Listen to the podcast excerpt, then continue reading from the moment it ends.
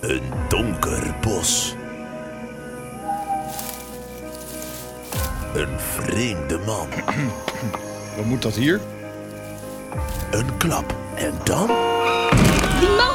Die auto rijdt die man aan! Tijdens een dropping in het holst van de nacht zijn brugklasses Pieter, Liz en Sophie getuigen van een raadselachtig ongeluk. Heeft hij hem geraakt? Nou, hij schreeuwde toch niet voor niets? En die auto stopt ook niet voor niks?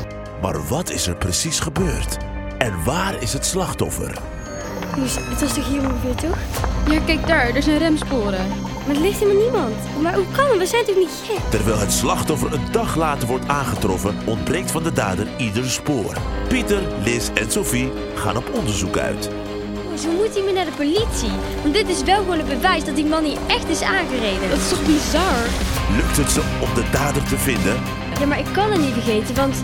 Kijk, zelfs als ik het zou willen, zou het me gewoon niet lukken. Maar wat nog belangrijker is, ik denk dat ik weet wie de dader kan zijn. Of zal het voor altijd in een doofpot gestopt worden?